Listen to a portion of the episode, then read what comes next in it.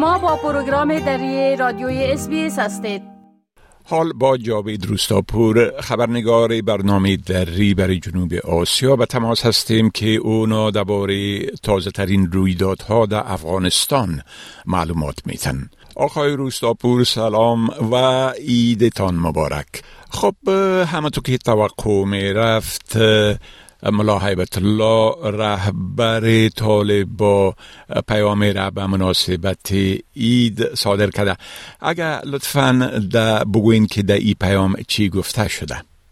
با سلام وقت شما بخیر. آقای شکیب منم به نوبه خود اید را برای شما و شنوندگان عزیز رادیو عرض تبریک و مبارکباد می‌گویم. بله رهبر طالبان در پیام ایدی موارد زیادی را برای زیردستان خود توسعه کرده که از جمله او در پیام تاکید کرده که نباید که از جنگجویان و سردست های طالبان انتقاد صورت می‌گیرد و اگر انتقادی هم صورت می‌گیرد تاکیدش است که انتقاد باید پنهانی باشد؟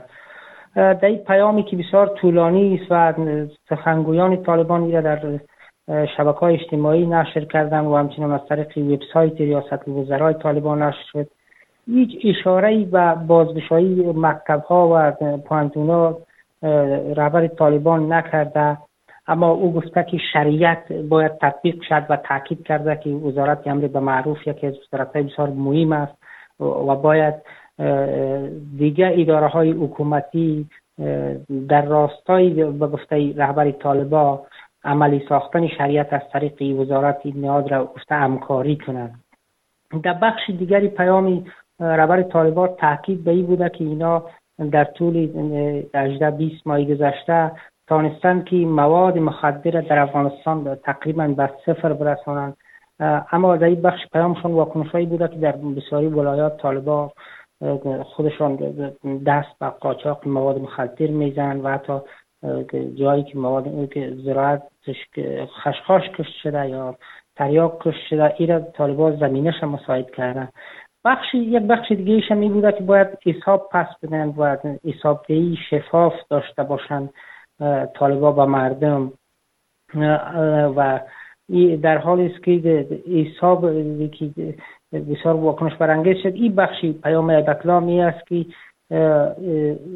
مصارف یک ساله دفتر خود عیبت الله از بیشتر از 35 میلیون و 600 هزار افغانی می شده که این بودجه که مصرف کرده هیچ حسابش مشخص نیست و مردم هم گفتن این پول را رهبر طالبات در کجا و به چی دلیل مصرف کرده و چقدر پرسونل دارد که این مقدار پول یعنی تقریبا سی چهل درصد بودجه ملی می‌شد از بودجه که عواید ملی را جمع می‌کنه تنها دفتری از این رفر طالبا به مصرف رسانده. به همین ترتیب موارد دیگه هم که در گذشته تکراری بود در پیام عیبت الله آمده و همهش بیشتر تاکیدش به بوده که باید اصول و شریعت پیاده شد در حکومت طالبان. همه واکنش ها به این بود که در یک سال گذشته طالبان نشان دادن که هیچ کارشان اصول و شریعتی هم که تاکید شده کار طالبان چنین نیست و برعکس این مسئله هست بله خب همچنان ادعا شده که مقامات طالبا از مواد امدادی که باید به مردم محتاج توضیح شود سوء استفاده می‌کنن و این مواد حیف و میل میشه. بله؟ بله منابع در چندین ولایت شکایت کردن و برخی رسانه ها این موضوع را گزارش دادن که بیشتر نزدیکان والیان در ولایت همچنان استخبارات طالبا کمک های بشر دوستانه را در بازار به فروش میرسانند. یک روزنامه روزنامه اشت صبح از به نقل از منابع معتبر در چندین ولایت معلومات به دست آورده و را گزارش کرده که اینا افرادی که در ولایت هستند دیدن که موترهایی که آرد بار است و آرد هم با لوگو و آرمی اف تی آرد کمکی است ایرا اینا با دکاندارا قرارداد دارن مسئولان محلی طالبان و اینا را به دکاندارا به فروش میرسانند و گفته این منابع طالبا برای نزدیکان خود 100 تا 500 کارت یا کارت هایی که WFP برای نیازمندان توضیح می‌کنه یا از WFP گرفتن و ایرا پس از که مواد را توضیح میشه این افراد به نام نیازمند کمک را دریافت می‌کنن ولی منکرهای طالبا ای با دکاندارا قرارداد دارن و به بهای ارزانتر در بازارها به فروش میرسانند پیش از این هم گزارش های و شکایت های بسیار جدی وجود داشت که کمک های بشردوستانه عادلانه نیست و به افراد نیازمند توضیح نمیشه. طالبا در ولایاتی را به نزدیکان خود توضیح می‌کنن و به میارن و همچنین کمک هایی که از طریق وزارت حوادث طبیعی یعنی ترکیه هند بعضی کشورها کمک ها را مستقیم به طالبا می‌داد. این کمک ها خوب به شکایت های وجود داشت که هیچ یک بر نیازمندان نمی‌رسد و بیشتر طالبایی این کمک ها را به افراد امنیتی خود که در وزارت دفاع و داخله کار می‌کنن توضیح می‌کنن خب گزارش شده همچنان که طالبا از متقاعدین معلول خواسته که به کارمندا در ادارات دولتی کار بکنن تا برشان ماش پرداخته شود. اگر در این باره یک مقدار روشنی بیاندازین لطفا. وزارت امور شهدا و معلولین طالبان گفته که بسیاری از افراد دارای معلولیت برای کار در ادارهای دولتی معرفی کردن و در سال پیش رو تلاش می‌کنن که تعداد را بیشتر بسازن.